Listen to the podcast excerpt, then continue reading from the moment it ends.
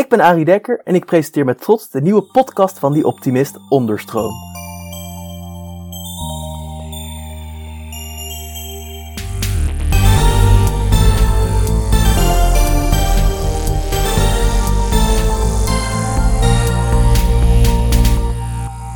Hallo iedereen! Zoals altijd bieden wij om de week een podium aan mensen en ideeën die meer aandacht verdienen. Vandaag spreek ik storytelling coach Arjen Barel Volgens hem is het belang van het verhaal nog onbekend bij veel mensen. In zijn boek Sterker staan met je eigen verhaal vertelt hij dat de kracht van het verhaal kan helpen in je eigen leven, het leven van een ander en onze wereld in het algemeen. Hallo Arjen. Hallo. nou, ik heb je al groots geïntroduceerd, uh, maar storytelling is, is echt zo belangrijk, toch? Ja, dit, dit is absoluut heel belangrijk. Kijk, het leuke van storytelling is, allereerst, het is niks nieuws. Wij doen dat al zo'n 35.000 uh, jaar, of misschien wel langer. 150.000 jaar, sommige mensen uh, verschillende inzichten nog een beetje van. Uh, nee, maar we delen al verhalen zolang we kunnen praten. En verhalen delen, storytelling, is de wijze geweest, hè, zeker voordat boeken ontstonden, boekdrukkunst uh, uitgevonden werd, om kennis over te dragen, om ervaring over te dragen. Nou, het, het, was noodzakelijk. En sinds misschien de, de invoering van de, of de invoering, de ontdekking van de boekdrukkunst en misschien tegenwoordig natuurlijk met alle digitale middelen lijkt dat wat naar de achtergrond uh, geraakt te zijn, maar we hebben het nog steeds keihard nodig. Dus ja, het is, het, het, is gewoon heel belangrijk dat we blijven delen.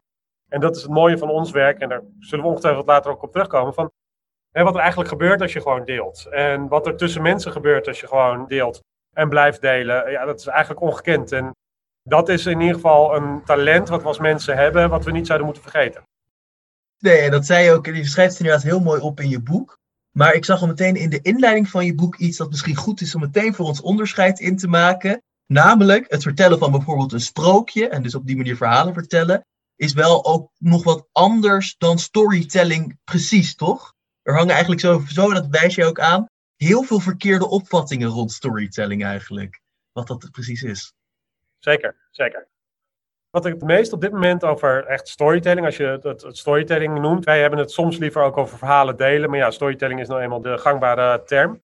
Maar het gaat heel erg over zenden vaak, in hoeveel mensen het gebruiken. En dat gaat dan heel erg over het gebruiken van een narratieve structuur. Dus hè, een verhalende structuur om iets te zenden. Maar voor mij dat, is dat geen storytelling. Hè? En daarom heb ik het ook liever over verhalen delen. Voor mij gaat het over die interactie tussen de verteller en de luisteraar. En wat daar gebeurt als die interactie goed is. En dat is ook wel wat mij stoort en wat soms in het gebruik van storytelling, dat die interactie er niet is. En dan wordt het gewoon bedrijven die hun product nog beter willen verkopen, doordat ze het verhaal nog mooier maken. Ja, natuurlijk is dat ook een aspect van storytelling, maar dat is voor mij geen pure storytelling. Uh, bovendien, en dat vind ik op zich niet zo heel erg, maar sommige mensen gebruiken storytelling ook voor het schrijven van een verhaal. Hè? Dus als je iets schrijft, dat je dat dan verhalend doet. En dat zou dan opeens ook storytelling zijn. Nou ja, telling is voor mij het live aspect. Ik heb niks tegen het eh, schrijven van verhalen. Sterker nog, uh, doe het vooral. Maar inderdaad, dat is maar een aspect. Juist dat live aspect, dat is zo belangrijk. Ja, maar daar zeg je inderdaad wel iets. Dus eigenlijk wat jullie echt doen, is veel actiever. Ik vond het leuk, je vergeleek in je boek heel vaak met rond een kampvuur zitten. Dus het is inderdaad niet zes keer door een redigeren gaan, zes keer door whatever, negen keer beluisteren. Maar het is echt gewoon in de moment eruit laten gaan, toch? Ja. Ja, het is heel erg dat in de moment. Maar het is ook, en dat is ook de interactie. En als je bijvoorbeeld schrijft, dan schrijf je dat, maar je bent niet in directe interactie met je lezer. En dat merk ik zelfs nu. Hè. Ik heb een boek geschreven, dus, maar ik merk gewoon, hè, die interactie die komt pas als mensen het gelezen hebben en dan ga je erover praten en dat soort dingen. En ik heb al bijna de behoefte, ik wil die interactie terwijl je het leest. Want dan zie ik bijvoorbeeld van, goh, oh, oh ja, dit, dit is interessant wat je zegt. Of oh, nou, dit, dit snap ik niet. Of nou, dit vind ik het helemaal niet mee eens. En dan heb je interactie. En dat is het mooie. En dat is het mooie van het echte vertellen. Op het moment dat ik een verhaal met jou deel, hè, of dat nou een persoonlijk verhaal is, of inderdaad een bestaand verhaal, sprookje, of weet ik wat. Maar op het moment dat ik iets deel met jou, dan zie ik wat er gebeurt. Dan zie ik jou geïnteresseerd kijken, of misschien in slaap vallen, of weet ik wat. En dat is het mooie, want daar gaat het om, om die interactie. Ja, precies. Interactie. Ja, en ik vond het wel mooi, namelijk ook, zo zei het ook wel echt in je boek. Want het is natuurlijk ook wel echt een soort uitleg, jouw boek. Dus ik snap wat je zegt met ik wil het zien. Maar dit is het ook echt veel meer uitleggen hoe je een gesprek kan hebben, zodat jij het kan zien, als het ware. Uh, het is nog een stap eerder bijna. Ja. Maar eh, ik vond ook wel, je zei ook echt, ik ben echt een reisgids in dit boek, als het ware. Ik begeleid je op, jij bent, uh, hoe heet het, Sam van de Frodo, zeg maar. Lord of the Rings reference. jij bent de Sam die meegaat en uh, op avontuur. Ook nog wel andere rollen. Maar dan blijft het wel echt heel interessant natuurlijk. Jij zei zelfs namelijk, en dit is dus ook al waar ik een beetje naar verwees in de intro. Door ons te verdiepen in verhalen wint de wereld aan betekenis. Nou, dat klinkt sterk. Ik bedoel, het heeft echt dus duidelijk heel veel kracht, een verhaal. Misschien dat je daar nog iets meer op kan doorborduren. Waarom heeft het dan zoveel kracht? Wat maakt het zo bijvoorbeeld belangrijker dan een boek, dan een bibliotheek? Uh, ook belangrijk. Nou, kijk, uiteindelijk verhalen geven betekenis. Eigenlijk kan je dat nog een stap verder terugzetten. En eigenlijk heeft zonder verhaal bijna niks betekenis. Wij bestaan wat dat betreft uit verhalen. We maken onszelf uit verhalen. Natuurlijk, we hebben een lichaam. Maar uiteindelijk zijn het de verhalen die dat lichaam van ons, ja, klinkt nu wat plastisch, maar die dat lichaam van ons invulling geven, identiteit geven, die ervoor zorgt dat wij mens zijn. Toevallig liep ik dit weekend in een museum, de Dolhuismuseum van de Geest. Ik weet niet of je het toevallig kent. In Haarlem, toch? In Haarlem, ja. ja ik kwam de volgende quote van Aristoteles tegen. Laat ons dus aannemen dat de geest bij de geboorte is als een schone lei, onbeschreven, zonder ideeën. Hoe raakt die dan gevuld? Mijn antwoord hierop is één woord: door ervaring. Nou, ik denk dat dat de essentie is. En wat is die ervaring? Dat zijn verhalen. Ook een beetje vanuit het idee van ervaring. Hè? Je, je maakt dingen mee, je, je doet ervaring op. Hè, wat is waarheid erin? Want uiteindelijk heel veel ervaring, dat is gewoon hoe jij dat, daar een verhaal van gemaakt hebt. Een mooi voorbeeld, ik was van het weekend eh, even bij mijn ouders. En er staat in mijn nieuwe boek staat een klein stukje over hoe ik ooit mijn vader per ongeluk met een peddel op zijn hoofd heb geslagen.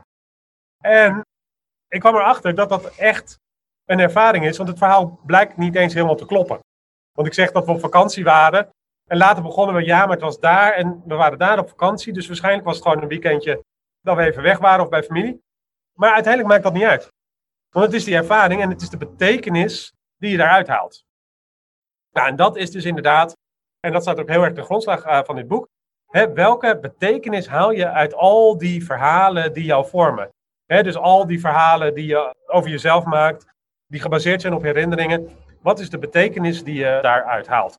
En daar kunnen ook andere verhalen bij komen, zoals mooie films die je gezien hebt, waar je natuurlijk ook betekenis uit haalt.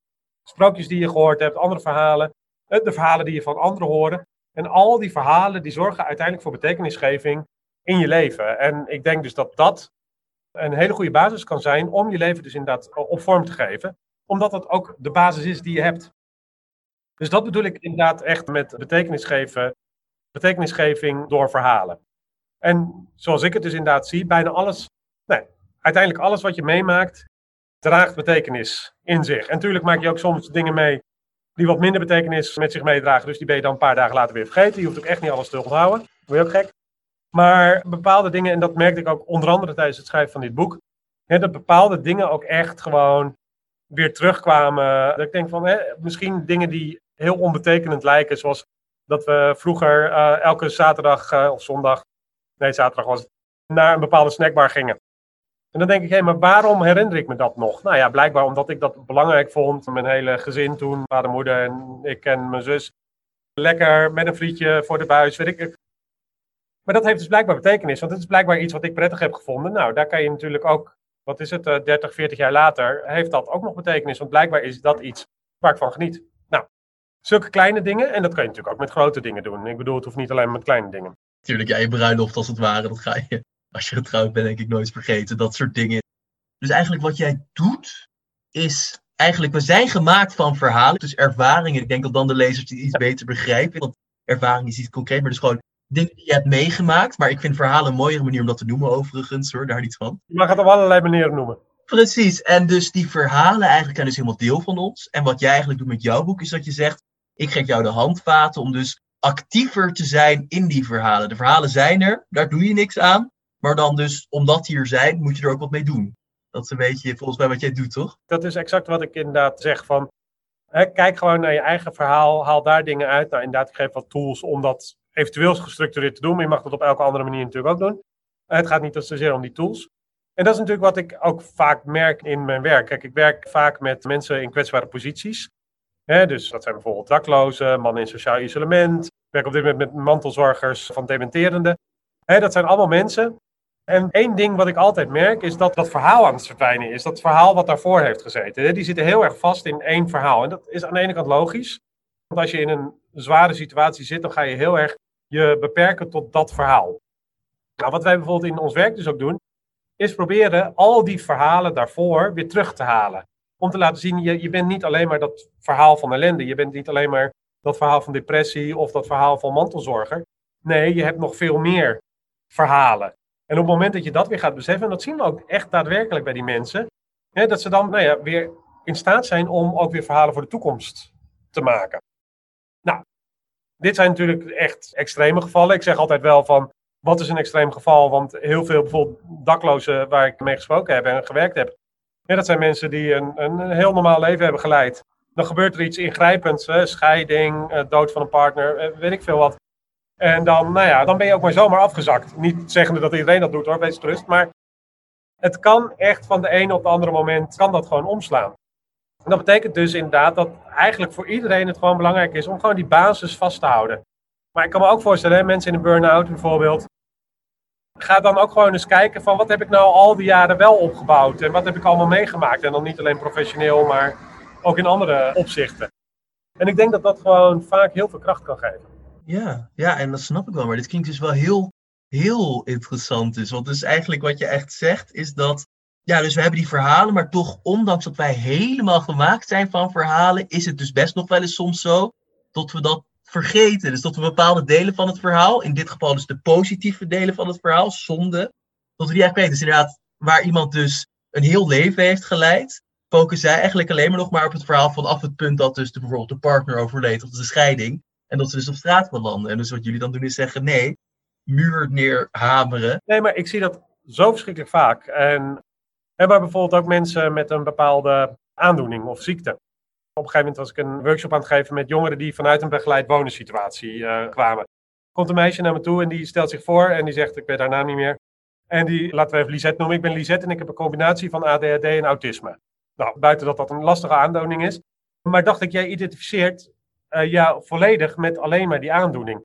Dus dan word je als het ware alleen maar dat verhaal. Terwijl ik zoiets heb, het maakt mij niet uit wat je hebt. Ik kom hier om jou te leren kennen. En uiteindelijk, en dat was ook mijn opdracht daar, om inderdaad ook die mensen uit hun dossier te krijgen. Hè, laten ontdekken, nee, ik ben veel meer verhalen.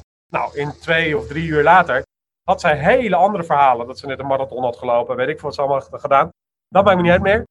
Maar dat, en, en dat merk je dus dat heel veel mensen gewoon heel erg vastzitten in maar één verhaal.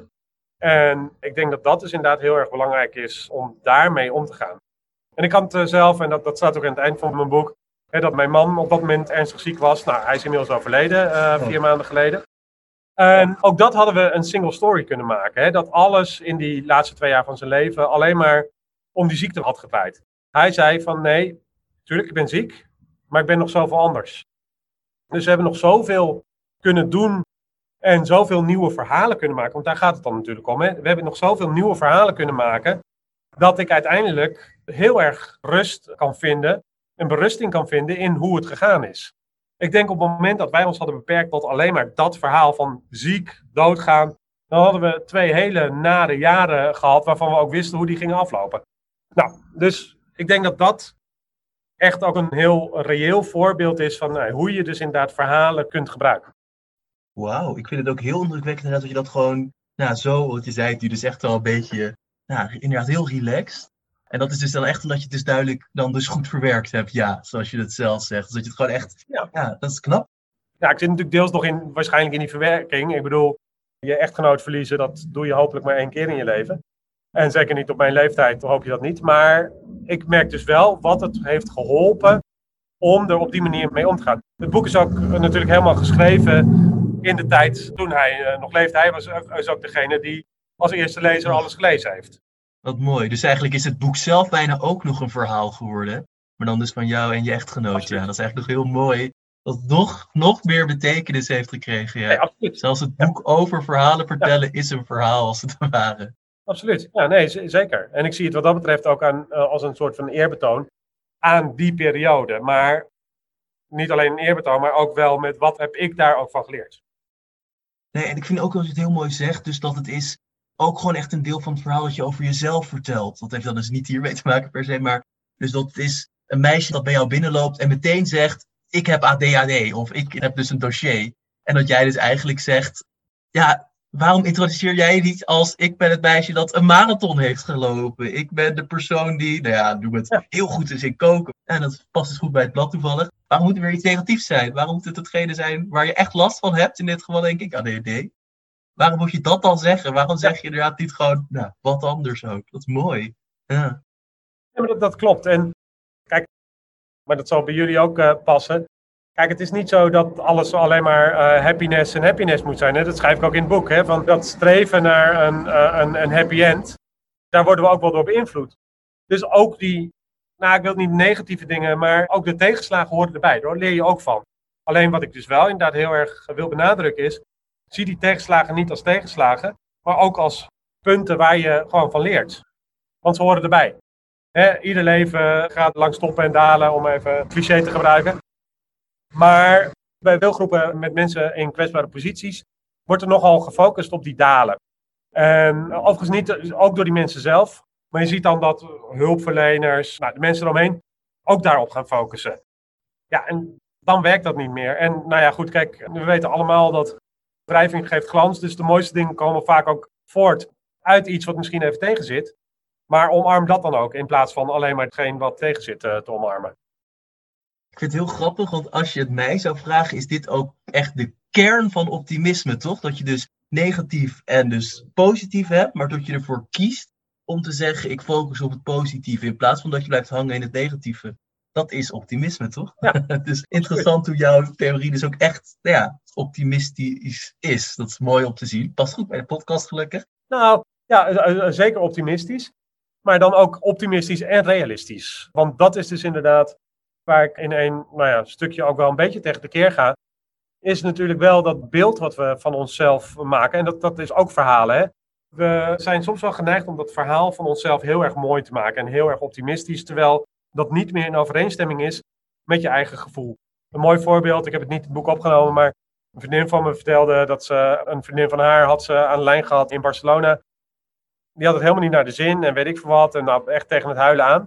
Vijf minuten later ziet ze op Facebook een foto met zo'n glas wijn, heerlijk op het terrasje in Barcelona. Dan denk ik, wie hou je dan voor de gek? dus dat is natuurlijk wel een soort van. misschien is, gaat het ook over het romantiseren van onszelf. En het ook onder druk romantiseren. Want iedereen moet maar een fabulous leven hebben en weet ik veel wat. En we zijn ook wel heel erg goed geworden om al dat wat misgaat onder het tapijt te schuiven. Nou, wat ik zeg, schuif dat wat misgaat of wat tegenzit niet onder het tapijt maar leer daarvan. En dat is wel optimistisch, inderdaad. Nee, ik denk ook, maar dat is natuurlijk ook wel echt belangrijk bij optimisme, is dat iets dat negatief is, is er wel nog. Je moet niet zo zijn van, ik kies er gewoon helemaal voor om alleen nou, positief te zien. Maar dus bijvoorbeeld wat wij doen is, wij zien al het negatieve dat er gebeurt en gaan dan kijken, waar zitten er ook positieve aspecten in. Zonder te zeggen dat negatief is onbelangrijk of dat gaan we negeren. Maar dus wel ja, dus perspectief is inderdaad realistisch, optimistisch. Dat vind ik mooi gezegd, ja. En dat is eigenlijk ook waar het boek over gaat. Ja. Maar dat vind ik nog best wel cool namelijk. Daar gaat ook een stuk over het boek en nu we daar toch zijn beland, kunnen we het erover hebben. Dat trauma ook nog best wel in dit hele verhaal een rol kan spelen. Je zei het ook al zelf, ik ben geen psycholoog. het is natuurlijk wel een uh, klein beetje, nou, niet 100% in wat ik doe, maar bij storytelling is nou, een trauma wel echt ook deel van dat negatieve, toch? Wat je moet aanvaarden. Zeker. Toch? Kijk, trauma is natuurlijk iets in zoverre moeilijk om over te praten, omdat een trauma kan natuurlijk echt een diepe wond zijn. En ik zeg ook in het boek, echte trauma's zijn uh, echt voer voor, nou niet voor, is het werk van echte therapeuten die daar gewoon in gespecialiseerd zijn. Natuurlijk komen wij wel veel trauma ook tegen in ons werk. En waar we onszelf en, en ook onze andere trainers bijvoorbeeld ook op trainen, is van wel het herkennen van een trauma. Van, hè, is een trauma heel diep, dan is het echt het werk van psychologen. Maar ja, andere dingen die misschien eh, in de wetenschap ook geen trauma heten. Maar goed, mensen kunnen natuurlijk behoorlijk ergens mee zitten. En dan kan het inderdaad, het delen daarvan, kan wel heel erg veel helpen. En ik denk daadwerkelijk ook dat een trauma mensen ook echt kan blokkeren om verder te ontwikkelen. En ik heb het ook gezien in mijn verleden, in mijn eh, verleden in mijn werk, dat op het moment dat mensen over zo'n trauma gaan praten, dat het dan vaak heel veel oplost. En ook dan is het natuurlijk wel een eh, kwestie om dat in een goede omgeving te doen. Hè? Dus een veilige omgeving waar mensen zich ook inderdaad gewaardeerd voelen. Waar ze ook het gevoel hebben van mijn trauma mag hier verteld worden.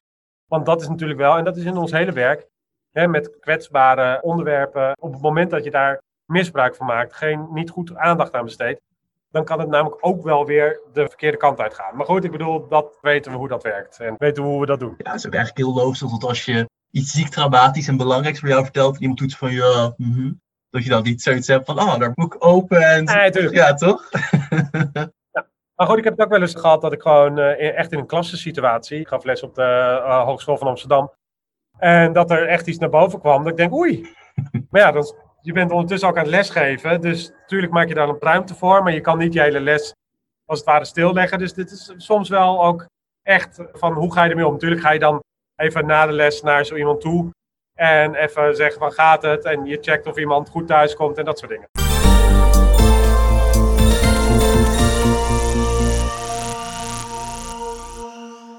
Nee, en weet je wat ik hier namelijk grappig aan vind? Hè? Zonder de luisteraar helemaal te vervelen met mijn eigen verhaal. Ook als dat is wel belangrijk. Maar dat zal niet zijn dat wij oh. onderling doen. Ja, nee, tuurlijk. Maar niet voor de podcast misschien. Maar ik heb dus wat problemen met mijn vader. Dat is allemaal verschrikkelijk. En wat ik inderdaad heel erg merkte is dat ik in het begin, en dat is ook een beetje hoe ik trauma zie, is een soort emmer die gewoon je steeds voller stopt. En dan zit het steeds voller en je doet er niks mee. Dus het weighs you down, maar het doet niks. Maar als je maar vertelt, dan loopt die langzaam leeg. Dus ik heb ook laatst dat ik gewoon echt aan iedereen gewoon vertel. Ja, dit zit zo met mijn vader, dit werkt gewoon sowieso, weet je wel. Gewoon dat ik het niet gewicht laat krijgen. Dus dat is natuurlijk wel echt, ja, waarom je dat verhaal moet vertellen als je het mij zou vragen. Het maakt het eigenlijk, doordat je het blijft vertellen, wordt het niet zo'n groot ding dat er niet meer uit kan. Wordt het niet te groot om je mond uit te komen, toch? Maar er gebeurt nog iets anders.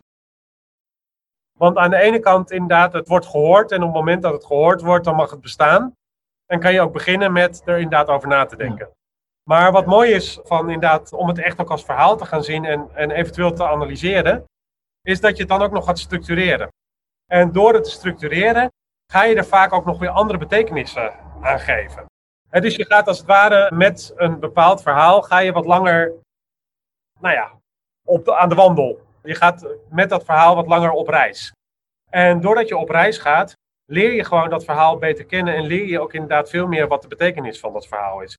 In mijn boek beschrijf ik bijvoorbeeld een conflict wat ik uh, heb gehad. En ik ga dat conflict ook inderdaad als een reis beschouwen. Dus hè, wat zat uh, we zijn op reis gegaan, wat waren de hindernissen, wat waren de, dingen die ons geholpen hebben. Uiteindelijk, daardoor snap ik dat conflict veel beter. En kan ik het ook veel beter nou ja, een, plek geven en erin berusten. Want dat, in, in het begin had ik zoiets van, waarom is die ander nou zo boos? En nu begrijp ik wat er gebeurd is. Waardoor je denkt van, oké, nou ja, dat is gebeurd. Dus geef het een plek en we gaan door.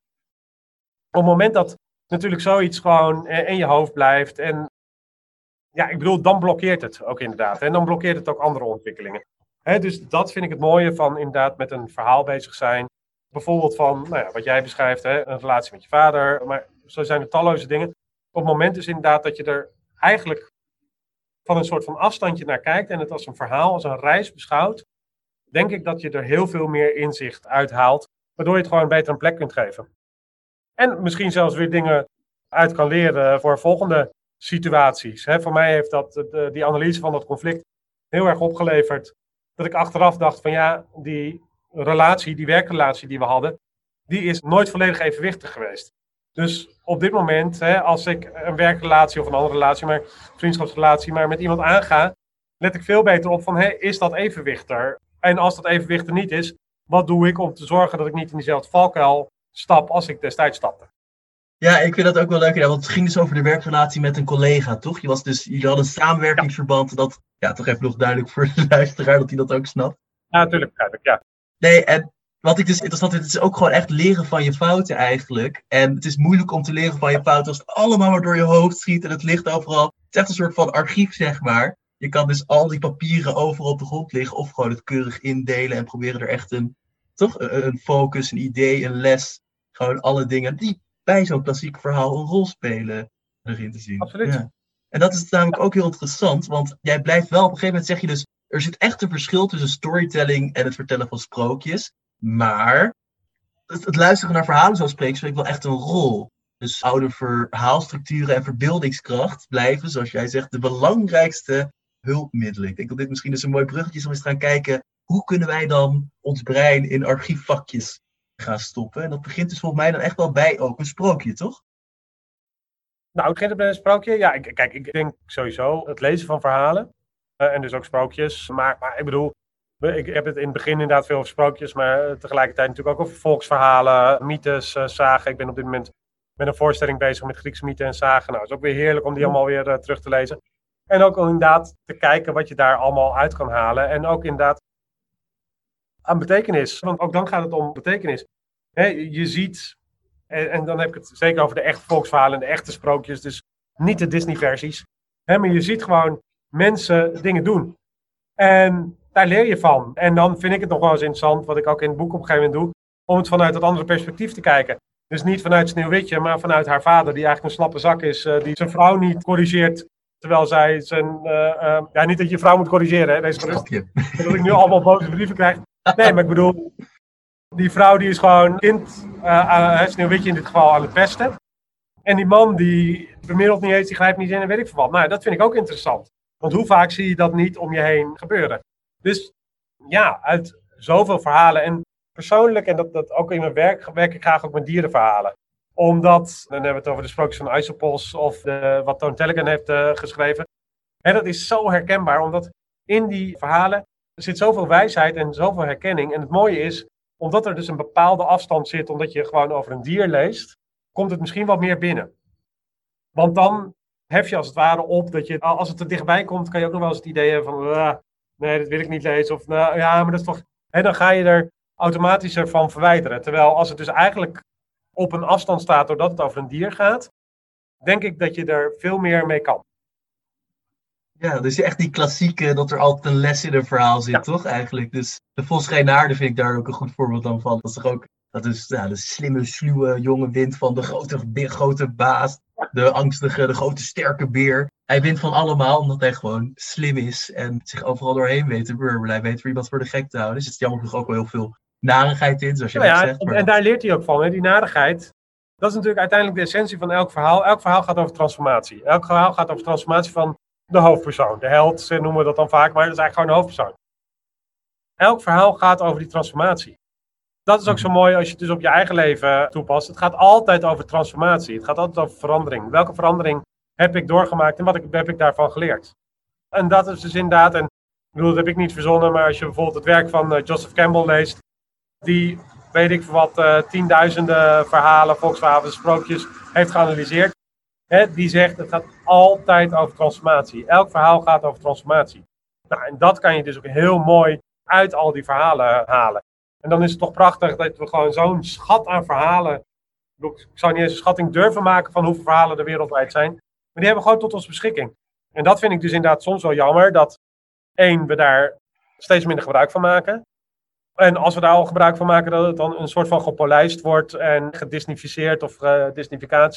Dat het dan een soort van plat gemaakt wordt, omdat het dan goed tegen slecht, want dan begrijpen we het het gaat juist vaak over die gelaagdheid. In oude sprookjes, in oude verhalen, bestaat goed en slecht. In ieder geval niet in de pure vorm. Dan heeft een goed karakter ook altijd een slecht kantje en, en weet ik wat. Dat is veel meer zoals het leven echt is. En dat betreur ik dus wel eens, dat inderdaad in hoe er tegenwoordig met, soms met verhalen omgegaan wordt, dat dat dus inderdaad ja, platgeslagen is. Nou, dat vind ik dus ook een gevaarlijke, een relatief gevaarlijke ontwikkeling, omdat dat ons als mens ook veel minder weerbaar maakt. Veel minder in staat maakt, omdat we die voorbeelden niet meer hebben, maakt het ons ook veel minder in staat om daar dan inderdaad op het moment dat we het in het werkelijk leven tegenkomen, en dat gaan we tegenkomen, dat komen we constant tegen, om het op dat moment ook daadwerkelijk wel mee om te kunnen gaan. Hm, zeker. Ja, en ik vond namelijk, jij gaf een heel mooi voorbeeld, namelijk Roodkapje. In het originele verhaal, dat wist ik ook wel, is het dus echt zo dat ze gaat daar naar grootmoeder. Grootmoeder wordt opgegeten door een wolf. Zij komt dat huis binnen. En nou, de wolf heet haar uiteindelijk ook. Of in het originele verhaal is dat het dan ook echt gewoon, toch? Dus nou, Roodkapje is dood. Hoe verschrikkelijk dat ook is. Ja, overleden. En dus met dan duidelijk de les. hey, vertrouw niet gewoon blindelings op mensen, weet je. Ga niet, als er letterlijk een wolf in dat bed ligt, gewoon denken, ja, maar dit is oma's huis, dus dan moet het maar oma zijn. Wees niet naïef. Uh, blijf scherp. Maar wat dan dus Disney doet, nou, dit is niet eens per se Disney, maar wat het... Nou, de, de, de gebroeders ja, precies. Wat het mooiere verhaal dan doet, is dat er opeens dus een jager komt en haar uit de maag van die wolf snijdt en dan stenen erin en dan wil hij drinken, dan valt hij een sloot in. Eigenlijk dus niks geleerd, want ze was veel te niet van alles. Maar je leert dus eigenlijk, ja, maar er komt toch wel een jager en die gaat die wolf wel even voor je aanpakken, zeg maar. Ja, ja. dat staat natuurlijk nergens op. Nee, nee, daarom. En dan is het uh, leuke dat de National Rifle Association in Amerika nog een aantal sprookjes, waaronder Roodkapje, heeft herschreven. En daar heeft oma gewoon een geweer. Dus op het moment dat die wolf binnenkomt, wordt die wolf gewoon neergeschoten. Nou, dan leer je dus al helemaal niks meer. Nee, en kijk, en dat is natuurlijk wat je ziet. En ik vond, er was een vriendin van me, Mia Verbelen, ook een vertelster, het zo mooi zegt, sprookjes zijn de speeltuin voor de geest. Door met dat soort verhalen groot te worden, leer je als het ware dus inderdaad ook met emoties om te gaan, met situaties om te gaan. En dat is een hele veilige manier van leren, want je zit gewoon naar een verhaal te luisteren. En kijk, als je op die manier, als je dan al leert om ermee om te gaan, dan kan je dat inderdaad in de rest van je leven veel, veel, veel beter toepassen. En ik durf dat zelfs, maar ja, dat, daar ben ik nu heel hard over aan het nadenken, dat je zelfs jezelf ook kan aanleren om soms ook al over bepaalde situaties een verhaal te maken in de toekomst. Om ook daarmee om te kunnen leren gaan. En ik heb bijvoorbeeld in de periode dat mijn man ziek was, heb ik eigenlijk al geprobeerd dat verhaal van die periode daarna te maken. En dat was soms heel confronterend. Maar ik denk dat je je daarbij, omdat je dan eigenlijk bepaalde emoties al als het ware oefent, dat je je daarmee dus ook best wel redelijk goed kunt voorbereiden op wat er komen gaat. Ja. Dus bijvoorbeeld als ik, ik werkte vorige week met die mantelzorgers van dementerende. En ook die heb ik uitgedaagd van durf na te denken over de periode daarna. Want hij gaat komen. En als je dat op dit moment al durft daar een verhaal van te maken, hè, dan zul je zien dat die periode daarna veel meer zin heeft. Want je gaat gewoon in een enorm gat vallen. Zeker omdat hè, je hebt een bepaalde zingeving op het moment dat je nog voor iemand zorgt. En die persoon is weg. Dus, en die persoon is weg, maar ook de zingeving is weg, want je hebt geen zorgtaak meer. Denk daar alvast over na. Probeer dat alvast in die verbeelding voor te stellen. En dat is hartstikke moeilijk, dat is ook hartstikke confronterend. Maar ik denk dat het ook jezelf voorbereidt en het jezelf uiteindelijk meer weerbaar maakt voor die situatie waarvan je weet dat die gaat komen. En natuurlijk doe je dat alleen maar in situaties dat je al weet dat er iets gaat komen. Ik bedoel, niet dat je in alle situaties nu, dat jij nu al moet gaan zitten denken van, oh god, ja, als ik 70 ben en dan, ik bedoel, dat is onzin. Maar vaak weet je gewoon, vaak, in bepaalde gevallen weet je gewoon waar je, waar je naar op weg bent. En je weet dat je afscheid moet nemen, of dat nou van een persoon is, of dat je weet ik voor wat, ergens een, uitwissel, studieuitwisseling doet. En je weet dat je er moet afscheid nemen omdat op een gegeven moment die studieuitwisseling erop zit, of weet ik voor wat. Ik denk dat je je dus, wat dat betreft, ook verhalen kunt gebruiken om je veel beter daarop voor te bereiden. Ja, en dan hier speelt dus ook weer dat een rol dat je niet het te perfect moet willen hebben. Want als je dat verhaal gaat voorstellen met een soort van alles komt goed en nou, et cetera, dan heb je er ook inderdaad niks aan. Dus doe echt elk scenario mogelijk, ja. Oh ja, ik kan me heel goed voorstellen dat zeker wel wat zou kunnen werken. Ik denk dat niemand daar wel eens in zou zijn, maar ik ben heel benieuwd. Hou ons graag op de hoogte hoe dat gaat, ja. Ja, nou dat is echt, echt, iets wat ik nu aan het, verder aan het onderzoeken ben. Hoe je daar dus in, in narratieve zin echt, nou ja, baat bij kunt hebben. Dat vind ik nog ook wel trouwens interessant. Het is wel een beetje iets anders, maar dus ja, in de toekomst, maar het verleden blijft natuurlijk ook een rol spelen. Maar wat jij ook wel een beetje zegt, is dat je best wel nog een beetje, nou niet kan rommelen, maar kan een beetje beslissen wat je wel en niet wil houden uit het verleden. Zo begreep ik het een beetje. Ik, ik deed bedenken aan ehm, Sherlock Holmes. In de boeken nog meer dan in de serie. In de serie is het echt een soort van Mind Palace. Maar gewoon in het boek dan is Watson met Holmes aan het praten. Die zegt zoiets van ja, uh, wat vind je eigenlijk van de prime minister? Dat is dan dus eentje uit nou, 19 nog wat. Dus ik weet even niet wie het was. En het was er gewoon, huh, wat, weet ik veel. Ik, ik weet helemaal, die weet dan niks over politiek, want dat is niet belangrijk voor zijn onderzoek. Zo zie ik het ook een beetje. Zo zie jij dat ook wel een beetje, toch? Dat je dus de belangrijke delen ook echt gewoon geheel delete. Weer die filing cabinets, zeg maar, in je hoofd, die archiefkasten. Eentje gaat gewoon je oor uit. Ja, maar dat, dat denk ik inderdaad. Hè? Want ja, het is ook een beetje wat we net aanhaalden met Aristoteles. Die zei, je bent een leeg blad als je geboren wordt. En je vult dat met experience, met ervaring. Ik denk dat je ook inderdaad zelf voor een groot deel in staat bent welke ervaringen je meeneemt en welke niet. En dan, dan raak je wel weer aan iets heel interessants, want dan gaat het uiteindelijk over identiteit ook voor een groot deel. En dat is natuurlijk wat ik op een gegeven moment ook aanhaal vanuit de narratieve therapie. waarin ze zeggen van hè, de identiteit is een, is een vereniging van herinneringen en mensen die je tegen bent gekomen. En jij bent de, zeg je dat, de, de, de ledenvereniging, de, de ledencommissie van die vereniging. En jij bepaalt wie er lid mag worden en wie niet. Ik vind dat een hele mooie, mooie gedachte die ook overeenkomt met inderdaad zoals, zoals Aristoteles dat uh, zegt. Natuurlijk zit daar wel wat aan, want je leeft ondertussen natuurlijk in een omgeving. dus ben je, kan je helemaal zelf bepalen wie daar lid van wordt, welke herinneringen en welke niet.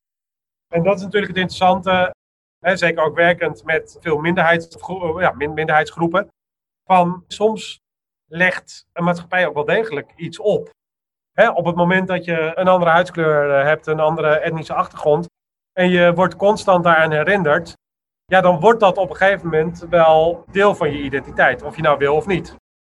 Maar zelfs dan denk ik, en dat zie ik ook om mezelf uh, uh, om me heen gebeuren, dat je daar zelf nog steeds een behoorlijke invloed op hebt. Van, is het iets wat ik belangrijk vind of niet belangrijk vind? En dan komt de identiteit ook soms heel dicht bij slachtofferschap. Hè? Voel ik mij een slachtoffer ergens van? Of hou ik dingen in eigen hand? En dat zie ik gewoon ook om me heen gebeuren. Dat hè, sommige mensen dan, laat ik het even tot mijn eigen groep, alsof dat mijn eigen groep is, maar LHBTIQ-plussers. QI-plussers. Nou, hè, ik snap je. Je ziet dat mensen, sommige mensen daar heel erg in die slachtofferrol uh, gaan zitten van ja, ik ben homo, dus ik word gediscrimineerd en weet ik wat. En je ziet anderen die zoiets hebben van ja, ik val toevallig op dezelfde geslacht, maar voor de rest, uh, zelf heb ik, maar dat schrijf ik volgens mij ook, ik heb er uh, nog nooit enig last van gehad. En ik ben ook nog nooit, zover ik weet, door benadeeld of weet ik wat. En volgens mij ligt dat dus wel ook heel erg aan hoe ga je er zelf mee om. Zonder te ontkennen dat inderdaad de druk van de maatschappij daar wel degelijk ook een bepalende invloed in kan hebben. Maar zelfs dan denk ik nog van, hé, je bent daar wel zelf bij. En je hoeft niet zomaar daarin mee te gaan, maar je kan daar dus inderdaad ook, nou ja, goed zelf bepalen van, oké, welke herinneringen neem ik mee? Nou, bijvoorbeeld, stel je voor je hebt een jeugd met een paar slechte herinneringen, een paar goede herinneringen, dan is het aan jou om inderdaad te bepalen, welke herinneringen, herinneringen neem ik mee? En ik denk uiteindelijk daarmee creëer je ook je toekomstverhaal. Het is eigenlijk heel mooi. Jij neemt Aristoteles woorden veel letterlijker dan Aristoteles zelf waarschijnlijk heeft bedoeld. Moeilijk om te zeggen over een zoveel decennia dode Griek. Maar hij liep, hij, hij liep waarschijnlijk hier ongeveer rond. Ik zit ongeveer ik zit 50 kilometer van Athene. En hij zat vooral in Athene. Totdat hij weggepest werd trouwens. Maar dit geldt zijde. Dat is eigenlijk nog grappiger. We hebben het over Aristoteles terwijl jij in Griekenland zit. Dat weten de luisteraars niet. Jij neemt dit op vanuit Griekenland, of all places. Maar even weer terug naar het uh, onderwerp. ja, steenworp afstand.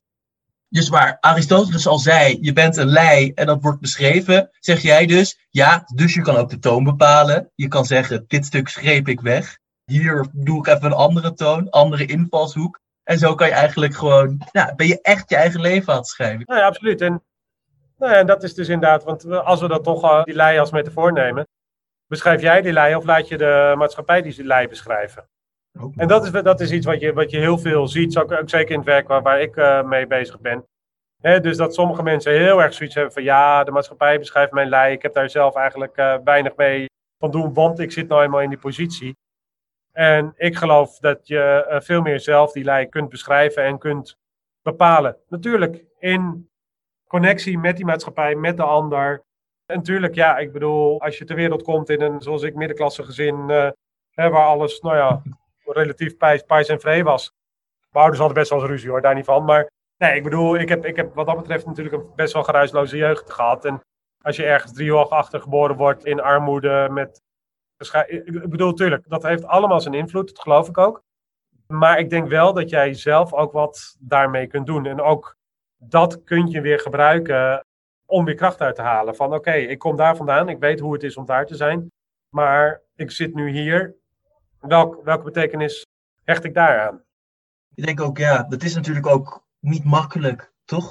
dat blijft belangrijk. Ik bedoel, je zou er niet een boek over hoeven te schrijven als dit het makkelijkste op aarde was. En eigenlijk weet iedereen dit al. Dus het feit dat dit zo is, ja toch? Maakt niet dat het gedaan wordt al. ja. ja. Nou, en ik, en ik, ik, denk ook dat ik het boek vooral heb willen schrijven om mensen erover na te laten denken. Ik geloof niet dat ik daar gewoon een soort van waarheid in pacht heb van zo en zo en zo moet het. Dat zie je ook in die oefeningen. Hè? Het zijn heel erg oefeningen om zelf dingen te ontdekken. Zoals ik ook die oefeningen in het verleden zelf heb gedaan om zelf dingen te ontdekken. Bijvoorbeeld, als ik een voorbeeld mag noemen, kijk, in, een van de oefeningen die ik in het boek beschrijf, die ik overigens niet zelf heb ontwikkeld, dat schrijf ik ook netjes, dat is van de Dulwich Center in Adelaide. Dat is de Tree of Life. En dat is een oefening waarin je dus eigenlijk je wortels beschrijft, je talenten beschrijft, je dromen en wensen beschrijft en de mensen die wat voor je betekenis hebben beschrijft. Dus je beschrijft alles. Dat is niet een oefening hè, die uh, je één keer doet en dan, dan heb je het en dat ben jij. Nee.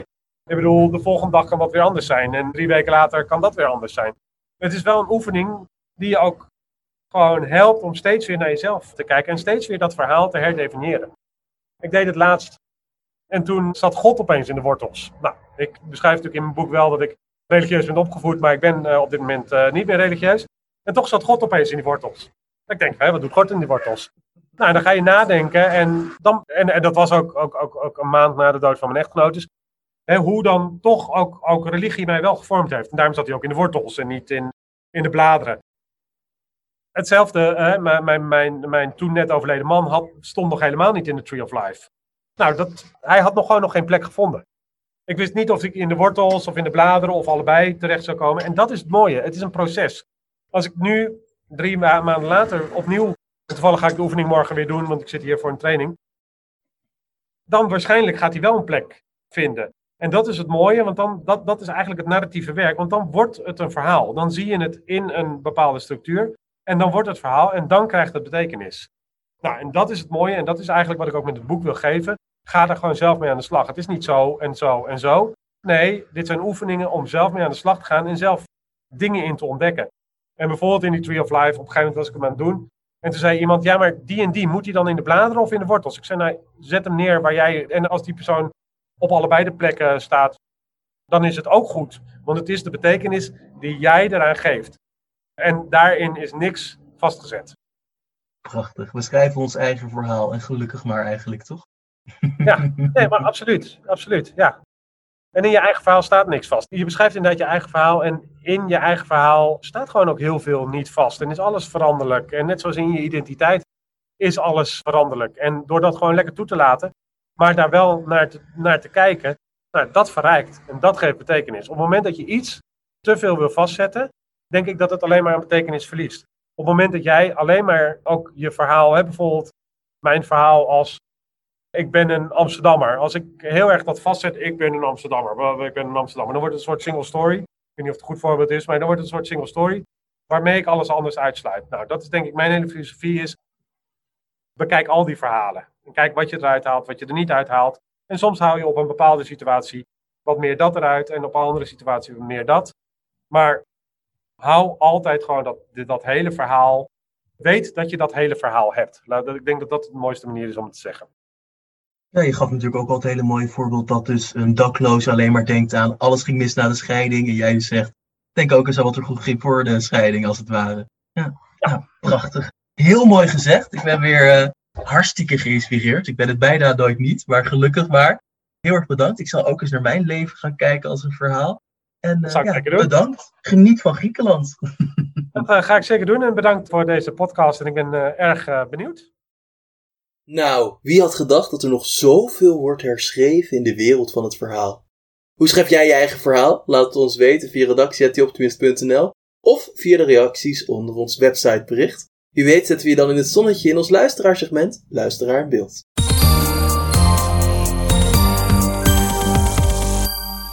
Deze week vertelt Janneke Zwager ons hoe zij iedereen vertelt over Stefine.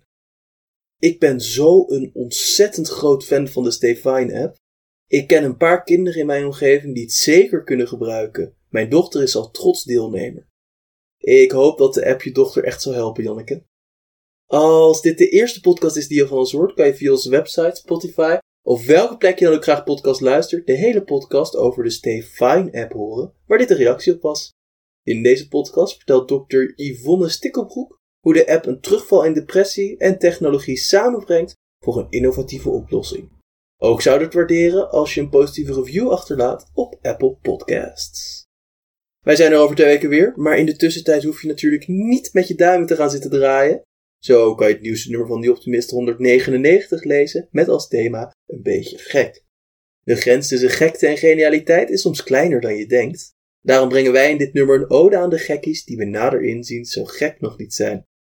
Als laatste wil ik nog Anouk Wolf bedanken voor het mogelijk maken van deze podcast.